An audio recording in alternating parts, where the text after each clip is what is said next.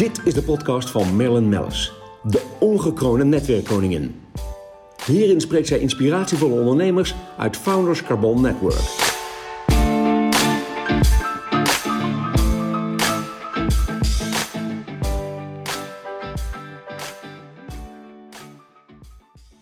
Deze podcast wordt mede mogelijk gemaakt door Euromate.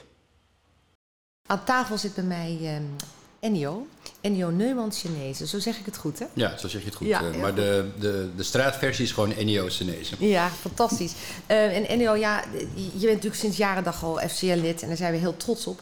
Ehm eh, jij, jij hebt zoveel verschillende ja, functies en, en nou, je bent natuurlijk een rasondernemer. Dankjewel. Je hebt ongelooflijk veel al gedaan, meegemaakt. Dus ik had me enorm verheugd op, op deze podcast. Dus eigenlijk denk ik het leukste eh, eh, om te beginnen met, ja, wie- ben jij? Wie, wie is Ennio? Hè? De, Ja. de ondernemer en de, de, de zakenpartner.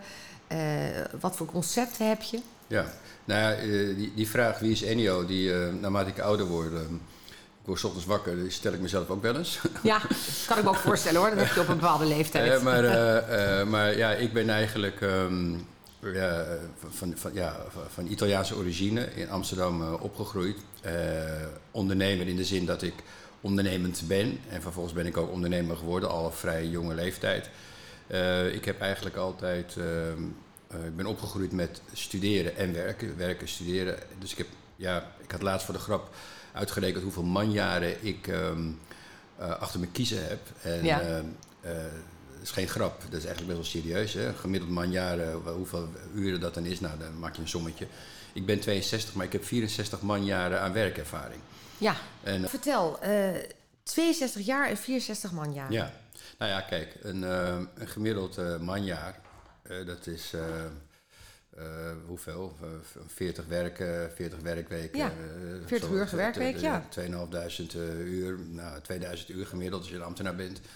Eh, nou, als je dat, eh, dat is een manjaar. Maar dat, is voor, dat vindt plaats in een kalenderjaar. Ja, Maar als jij dus eh, gemiddeld eh, 80 uur in de week werkt, of 100 uur. ik heb, meestal is mijn, mijn activiteitenrange is gemiddeld 100 uur in de week. Dat is niet omdat ik heel, daar heel trots op ben. Het is gewoon een gegeven. Het is, ja. nou als ik ook de namen zie, ja sorry hoor, maar dat hebben wij, want anders dan ga je dat misschien niet eens noemen, maar Shell, Accenture, Sigma, internationaal, al die, al die landen, AI eh, van het Energy eh, ehm, instituut. Instituut, eh, AI Group, COO, GEP Worldwide. Ik bedoel, de, de lijst is, is lang. Ja, nee, dat, dat is wel zo. Maar het is niet alleen dat het een. Maar dat is eh, sequentieel, hè, dus op volgorde. Ja. Maar ik heb eigenlijk altijd, als ik ontdekte dat ik iets leuk vond, of dat ik ergens goed in was, dan wilde ik eigenlijk ook een, een, ehm, een wat meer eh, inhoudelijke kant aan geven. En dan ging ik het bijvoorbeeld studeren. Ik zeg altijd, als ik de mensen uitleg, ik reed auto eh, op mijn zestiende, maar ik had toen geen rijbewijs. Nee.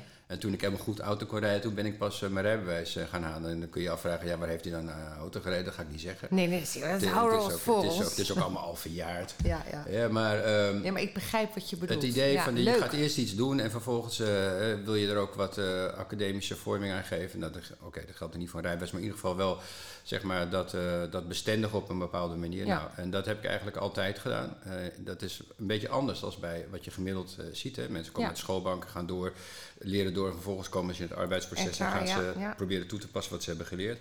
Bij mij is het eigenlijk vanuit mijn werk eh, eh, heb ik ehm, interesse gekregen voor, voor, voor bepaalde zaken. En vervolgens heb, ben ik dat dan gaan, eh, gaan studeren. Maar dat heb ik altijd gedaan naast mijn werk. En daarnaast, ja, ik heb ik werk altijd leuk gevonden. Ja, want je hebt ook als, als rode draad, zeg maar, consultancy. Zie ik dat goed? Ja, ik ben eh, eh, ehm, ja, management consultant van ambacht. Ja. Ik vind Ja. het eh, ook een a- ambacht. Hè. Ja. Want Heel veel mensen denken, ja, wat... eh, hebben Maar leg uit, want dat is inderdaad... Nou ja, heel veel mensen hebben op hun visitekaartje staan eh, management consultant of strategie consultant. Nou, dan ben ik, ben ik altijd aan het nadenken, wat bedoel je daar nou precies mee? Eh, ik vind eh, een, een echte ouderwetse consultant, en ik heb mijn scholing gehad bij eh, Proudfood. Eh, dat is toch wel de, de moeder eh, der eh, operationele consultancies. Hè. Daar moet je echt wel gewoon mouwen uit de, uit, Hand uit de mouw steken, ja, zeker. En vervolgens ehm, ben je om half acht bij de cliënt en s'avonds om half acht ben je er nog als je in de analysefase zit. En daar heb ik echt een vak geleerd, vind ik. Mooi. Namelijk dat je leert begrijpen hoe processen werken. Vervolgens hoe kun je die processen optimaliseren? Wat heb je daarvoor nodig? Wie moet je daarvoor meenemen in een bedrijf? Hoe werkt dat? Wat, zijn de, wat is de impact van een, bepaald, een bepaalde gebeurtenis in een bedrijfsproces? Eh, zowel binnen het eh, bedrijf, maar ook ja. binnen de keten waarin het bedrijf zich eh, bevindt. Hè? Die- dus die steen in de vijver, hoe ver rimpelt die door?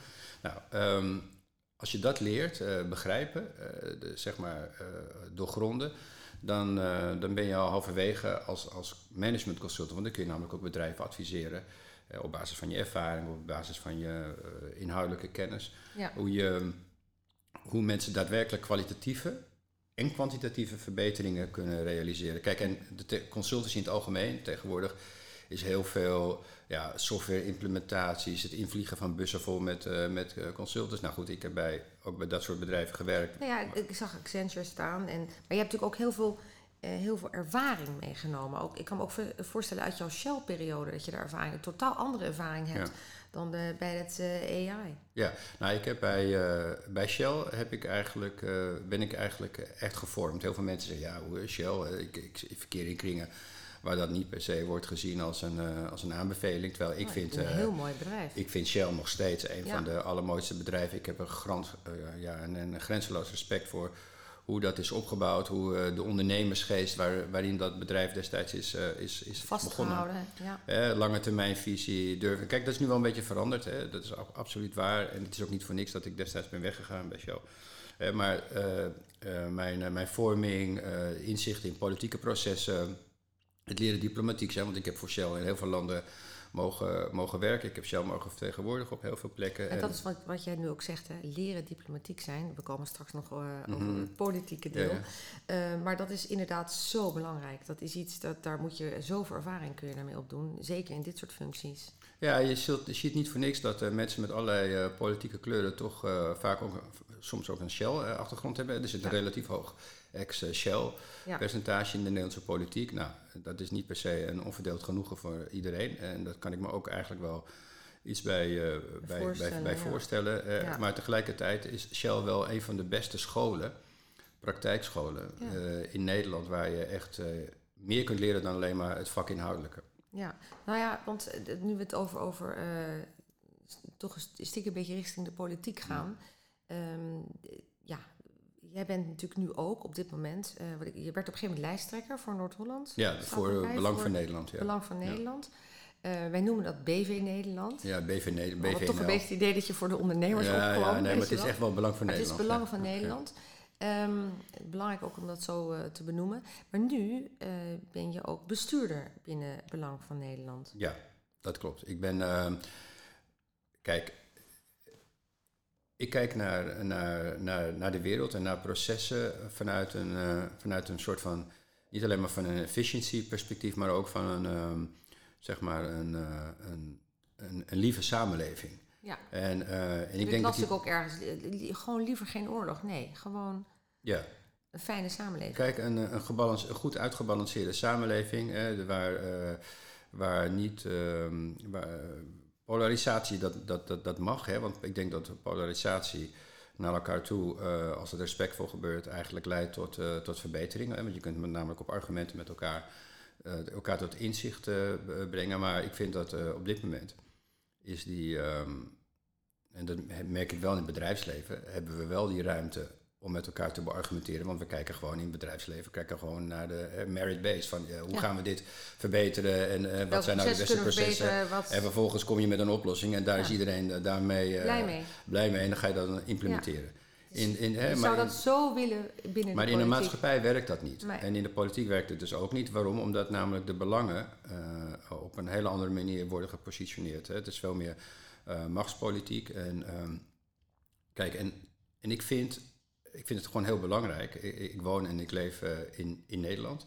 En ik vind het belangrijk dat ik ook een bijdrage leef, aan- lever aan, de, aan, de, aan het welzijn van het land. En dat kan volgens mij alleen maar op een manier dat je rekening houdt met alle, eh, alle factoren. En Maar dat je wel objectief bent, eh, Ja.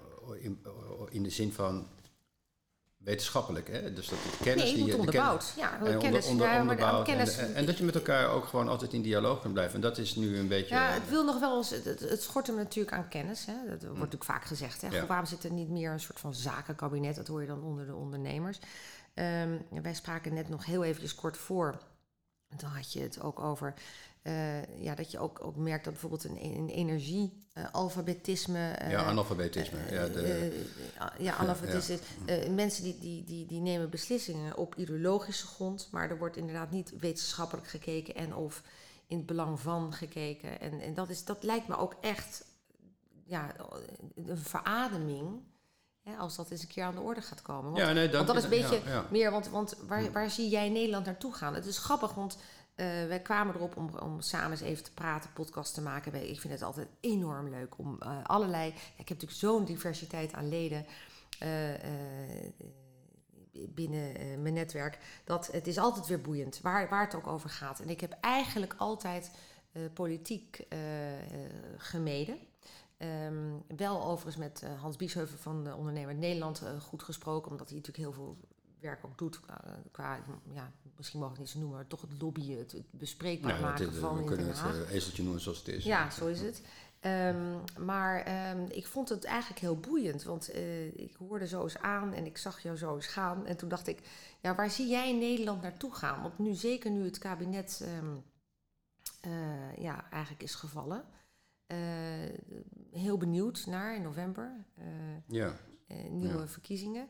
Eh, waar zie jij het naartoe gaan? Nou ja, kijk, ik ben eh, meer van, de, van het helikopterperspectief en de lange termijn. Ja. Eh, eh, maar goed, dat heeft natuurlijk ook wel eh, zijn inslag op de korte termijn, want dat is vaak eh, toch ook wel bepalend welke richting het uitgaat. Wat is niet, dat is namelijk eigenlijk wat ik een beetje mis bij de mensen die, die in de regering stappen, is een lange termijn visie. Ik heb altijd het idee dat ze gaan even voor, nou, laten we nog wat scoren in die vier jaar dat ik er zit, ik noem maar wat.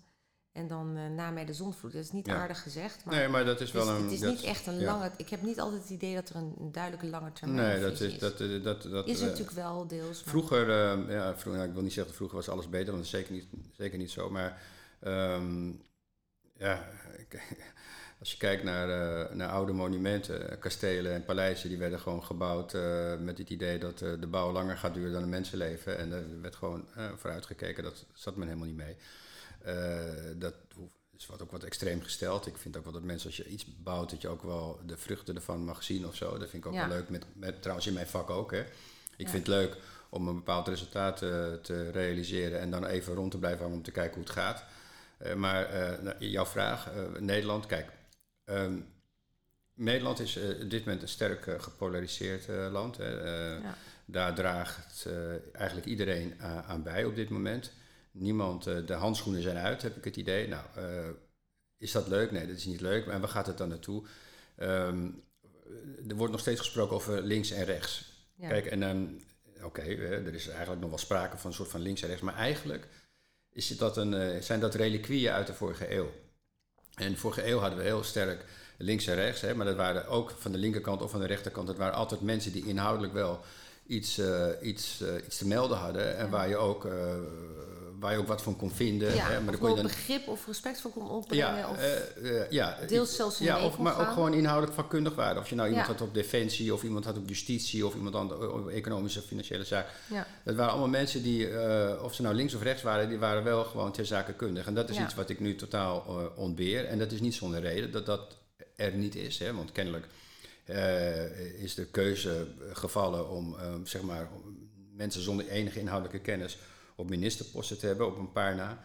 Nou, dat, dat moet je, daar moet je over nadenken als dat gebeurt. Die vraag moet je eigenlijk stellen. Ieder gezond mens zou die vraag moeten stellen. Ja, waarom is dat? Waarom hebben we op justitie ministers zitten die eigenlijk geen, eh, die geen jurist is? Waarom hebben we eh, op defensie iemand zitten die niet wist, eh, die het, niet het verschil kon zien tussen een kolonel en een sergeant? Wat mij Hm. opviel is dat er één minister wel heel goed haar werk deed. En dat was Gunay Oesloe. Maar die, is ook, die komt uit ook de kunst- en cultuurhoek. En heeft daar extreem veel ervaring mee. Ja. En toen dacht ik, oké, nou, dat vond ik Maar een mooi zij voorbeeld. ja, eens, maar zij is bijvoorbeeld dan wel weer een voorbeeld van iemand van wie ik denk dat ze het eigenlijk moeilijk heeft. Het is niet makkelijk hè, om in zo'n eh, eh, nitwit omgeving te zitten, als ik het heel erg eh, lelijk, lelijk stel. Nou, Maar zij is natuurlijk ook vanuit haar familiebedrijf Colrendon is zij natuurlijk heel erg. ja, beleidsmatig eigenlijk heel sterk en, en heel onder, denkt als een ondernemer. Ja, nou ja, dat is lastig hoor, denken als ondernemer. Want Ja. tegenwoordig is dat waar wij onze welvaart in Nederland in het algemeen aan te danken hebben, dat is de ondernemersgeest. En nou ja, onderne- daar, om, over ja. familiebedrijven gesproken, eh, MKB, familiebedrijven, Ja, ja. dat is... Nee, maar de ondernemersgeest. Hè. ja, De- Nederland, de ondernemersgeest, de dat huidige is de rode draad over de honderden jaren ja, heen. De, hu- de huidige welvaart. Hè, en, en ook eh, eh, onze naoorlog... Laat ik het dan gewoon even beperken tot het naoorlogse. Naoorlogse welvaart. Naoorlogse welvaart is vooral gekomen door mensen die echt hard hebben gewerkt. Mensen met een ondernemersgeest die, die dit land hebben eh, gebracht waar, we, waar Ja. we nu zijn. En die, onderne en die geest, die willen ze, eh, lijkt het wel, hè, alsof er een wens bestaat om die on- ondernemersgeest een soort van te verketteren. Hè? Want we Ja. moeten allemaal heel volgzaam worden en we moeten allemaal policies gaan volgen die we zelf niet hebben gekozen. Maar Kijk. op lange termijn wordt dat... En kijk, we glijden, als we, als we niets doen, maar misschien wel. Ja, maar als we niets doen, Ja. eh, de, dus diezelfde ondernemers die, eh, die ondernemersgeest, eh, die, die ondernemersdynamiek, als, als daar niks mee gebeurt, dan voorzie ik eh, dat dit niet, eh, niet, eh, niet goed gaat. En dat we eigenlijk afglijden naar een soort van, ja, ehm, misschien wel een bepaalde totalitaire richting waarin wij eigenlijk eh, eh, steeds meer zien dat ons, eh, dat ons zelfbeschikkingsrecht, hè, wat eigenlijk de kurk is waarop eh, de ondernemersgeest Ja, op vaart, ja. hè, eh, dat dat heel erg Ja. ondermijnd wordt. Dus dat, die kant zie ik het best wel eigenlijk opgaan. Nou, je ziet het nu al aan de familiebedrijven die het heel zwaar hebben met de nieuwe regel en wetgeving. Tuurlijk, nee, maar zijn, het- kijk, ik geef gewoon een simpel voorbeeld. Hè. Ehm, die, die, die energie, dat energieanalfabetisme. Eh, ik had laatst, verleden jaar, een interview met Jeroen van der Veer en Mark Moody Stewart. En die, eh, dat was een Engelstalig interview. En dan was het de energy illiteracy. Dat vind ik trouwens mooi klinken. als het Prachtig, energie, een stuk leuker. ja. Maar dat is, dat is schrijnend. Kijk, en het hele idee, energie, dat is de, de rode draad in, in onze totale maatschappelijke waardeketen. Eh, daar, worden, daar worden dingen over gezegd eh, in de politiek. Er worden beslissingen genomen die eigenlijk gestoeld zijn op eh, ideologie en niet eigenlijk op wat, wat wetenschappelijk en, technisch mogelijk is. Ja. Dat is echt heel eng. En dat is in die zin eng dat als daar beslissingen op worden genomen, nou, bijvoorbeeld het totaal elektrif- elektrific- elektrificeren van het, van het netwerk en Ja. van, het, van de mobiliteit. Op zich zou je denken, ja, dit is een heel eh, eh, lovenswaardig idee, hè, want immers daarmee eh, eh, reduceren we enorm ons, eh, onze emissies. Hè, dat, Ja. Daar ben ik, ben ik natuurlijk niet op, niet op tegen. Alleen, het is niet haalbaar. Het is gewoon in, eh, in, de, in de feedstock, dus in de, de materialen die we nodig hebben om dat te bereiken. Ja. Dat hebben we niet in de wereld. En als we die al hebben, liggen die niet in onze controle. Bij mijn bedrijf heb ik, doe ik drie dingen. Wat ik heel belangrijk vind, is de energietransitie. En dan noem ik de Ja. tweede, dat heet resilience. En de derde is de digitalization. Dat zie ik als de drie belangrijkste uitdagingen, om niet te zeggen bedreigingen, voor, ehm, eh, voor ondernemingen. En dus ook als gevolg daarvan voor de, voor de maatschappij. Want heel Ja. veel mensen denken van ja goed, het, eh, het probleem van grote bedrijven. Nee, nee. Eh, als de, als de, onze fundamentele industrieën te maken krijgen met problemen die door ideologie worden opgedrongen, maar waar ze vervolgens wel eh, mee moeten, iets mee moeten doen, moeten houden, eh, moeten dan heeft dat, heeft dat uiteindelijk, eh, binnen die keten moet iemand ja. het gaan betalen. Ja. Nou, dan wordt het de belastingbetaler die gaat het betalen, maar die belasting die wordt wel opgebracht uit, uit arbeid en uit het creëren van waarde. Ja. Nou, en op het moment dat je dat niet, ehm, eh, dat je dat niet sluitend rondkrijgt op een manier die gebalanceerd is, ja, daarmee ga je de maatschappij eh, eigenlijk ontwrichten. En dat zie je nu al gebeuren. ja, het is, we, zijn- we Eh, zijn, en, we ja, zijn dat, op dat, weg. dat, eh, ik denk niet dat het te laat is. Ik denk dat we nog steeds dingen Ja, want, kunnen. want, want Ja? dat denk ik ook. Sorry dat je onderbreekt, maar je- je- je- natuurlijk, je kunt altijd bijsturen en je kunt altijd een, in andere richting op uitgaan. Maar eh, toevallig vanochtend bereikt ons het nieuws van, van Pieter Omtzigt. Dat is Ja. eigenlijk daar ook. eh, Ik weet niet wat jij daarvan vindt. Nou ja, kijk, ik vind eh, Pieter Omzicht in vellerlei opzichten een, een buitengewoon bewonderenswaardig man. Ja. Dat, hoe die dat, ook die, die, die affaire, de, de, nou, ik kom even niet op woord.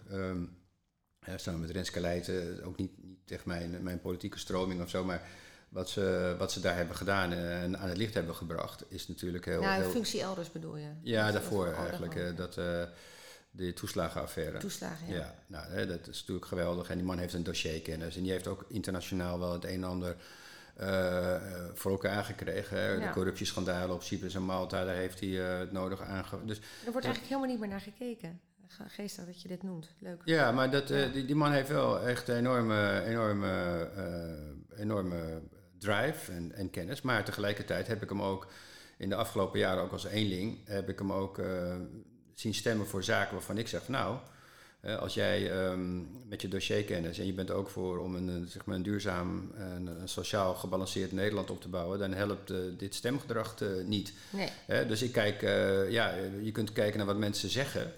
Maar Ja. ik denk echt veel belangrijker is om te Doen. kijken wat mensen Wat doen. ze? Of Ja, wat ze niet doen. Dat, wat- dat zegt ook veel. Ja. Nou, en dat is bij hem eh, heeft hij wat mij betreft het voordeel van de twijfel. Ik denk dat het op zich weer een, ehm, een, nieuwe, een nieuwe golf geeft van hoop in Nederland. Hè. Want eh, ja, hij heeft toch door ook heel lang te wachten... heeft hij zichzelf een soort van, Ja, willens toch en wel- weten, een soort messias-status aange- aangemeten. Nou, we gaan het zien. Ja, ik, ik ben heel benieuwd, want er zijn natuurlijk toch... Je hoort mensen die zeggen, ja, ik heb uit ellende maar eens even een keertje op BBB... want ik zat eigenlijk bij de VVD, maar dat was het allemaal niet meer. Of CDA, dat was het niet meer. En, eh, ja, wie gaat daar dan weer van naar omzicht? Nee, maar er En, ontstaan eh, allerlei machtsvacuums. Hè? ja. En, eh, kijk, en wat je nu, nu ja, dat ziet... zeg je heel mooi. Ja. de- ja, nou ja, dank je daarvoor. Maar de- de- wat je nu ziet is dat er eigenlijk... ehm, je ziet dat eh, eh, partijen die vroeger ex- eh, heel expliciet voor een bepaald, bepaalde filosofie waren, of geloof, hè. CDA, dat Ja, was, was heel duidelijk, christ- christelijk. Hè. Ik kom Ja. zelf uit Rooms-Katholieke huizen en ik Ja. ben nog steeds beleidend katholiek. Maar ik ben al heel, heel lang, zie ik daar niks meer van terug bij het, Nee. bij het CDA. Dus Nee. prima.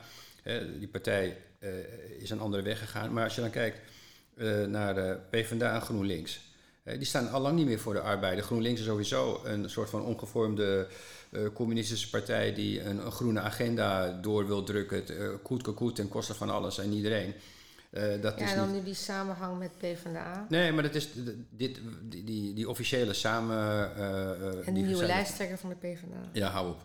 Hè, maar, maar wat je dus nu ziet, en dat bedoelde ik eigenlijk net te zeggen met... Ja. de nieuwe tegenstelling is niet zozeer re- rechts en links. Nee. Want je ziet nu de VVD, D66, PvdA, GroenLinks, eh ChristenUnie... eh, ben ik nog eentje kwijt? Nee, dat, de- die, die partijen, hè, die op dit moment eigenlijk nog steeds eh, de, de coalitie bepalen... Ja. Nou ja, Oh, oké. PvdA, GroenLinks Ja. niet. Ja, Wilders Zit de sta, kant, heeft een ja. status apart.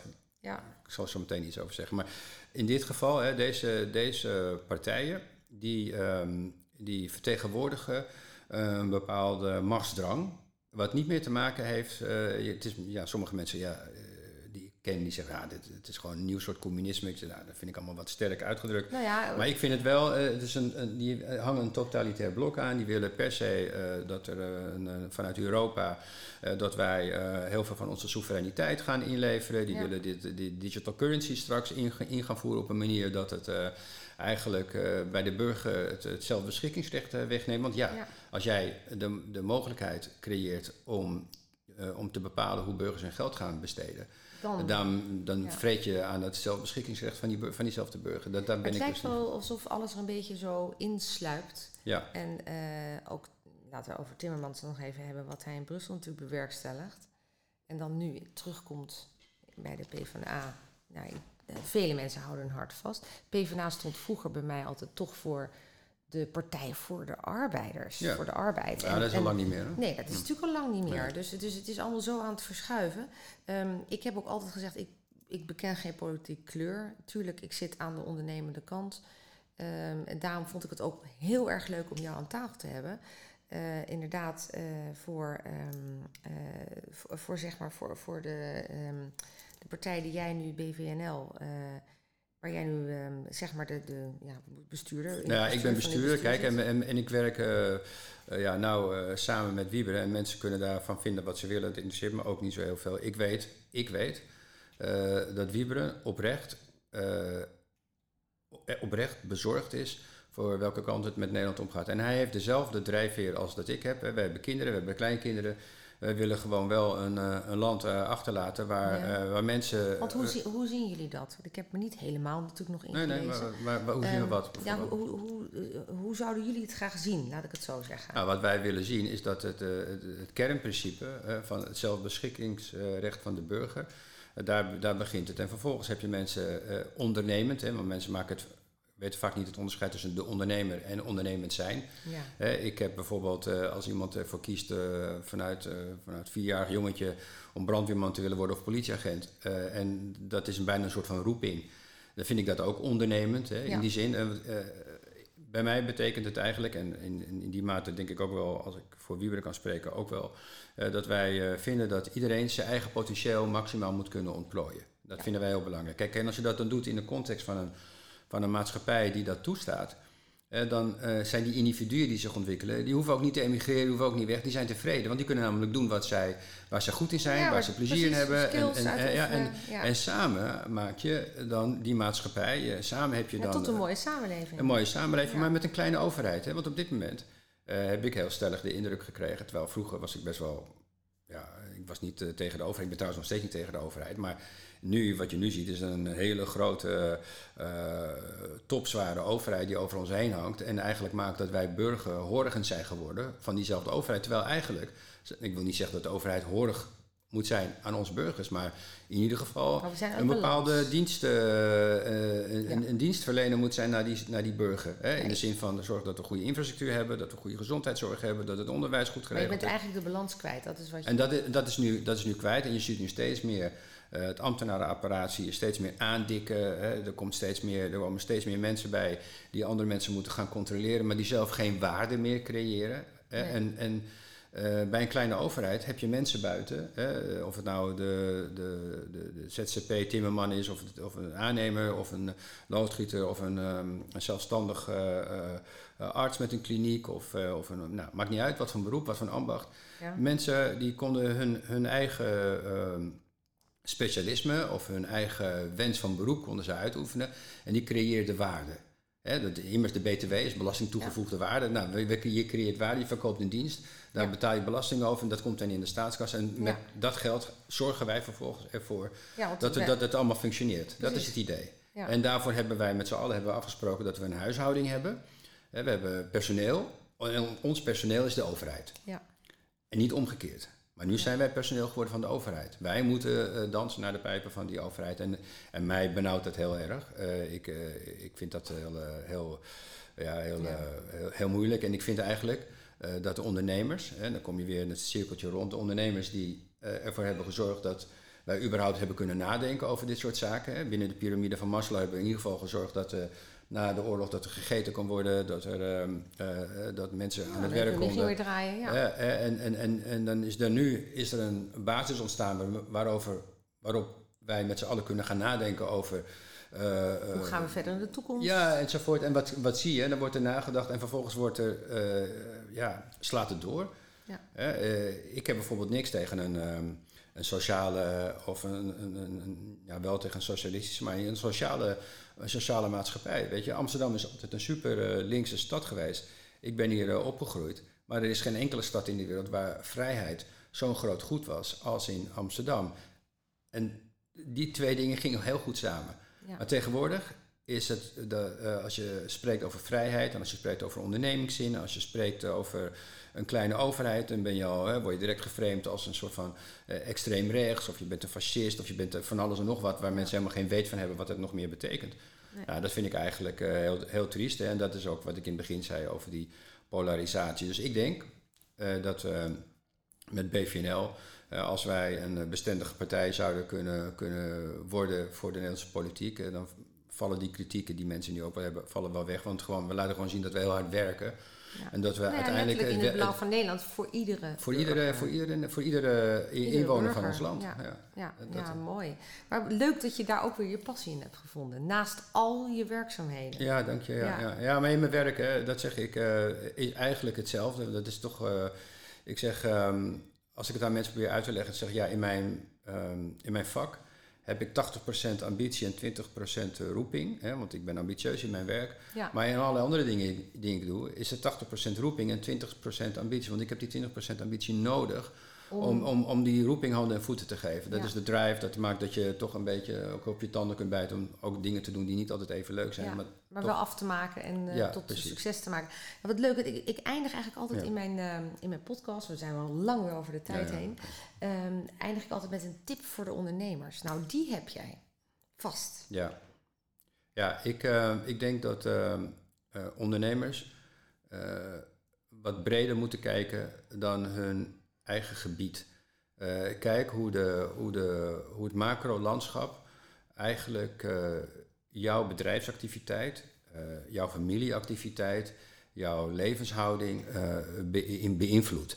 Ja. En, en als je dat eenmaal een beetje in kaart hebt gebracht, dat je daar op basis daarvan eigenlijk beslissingen moet nemen. En je niet moet laten drijven door op een reactieve manier, door opgedrongen regels, door, door situaties waarmee je geconfronteerd wordt, dan ben je elke keer te laat.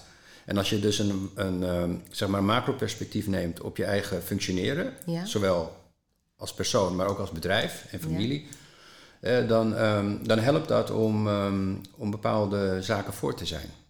Mooi gezegd. Nou, ik, ik ga met deze quote eindigen. Dankjewel. Dankjewel. Dankjewel. En Neil, ik vond het een aangenaam gesprek. Ook leuk om dit eens een keer iets beter uit te diepen.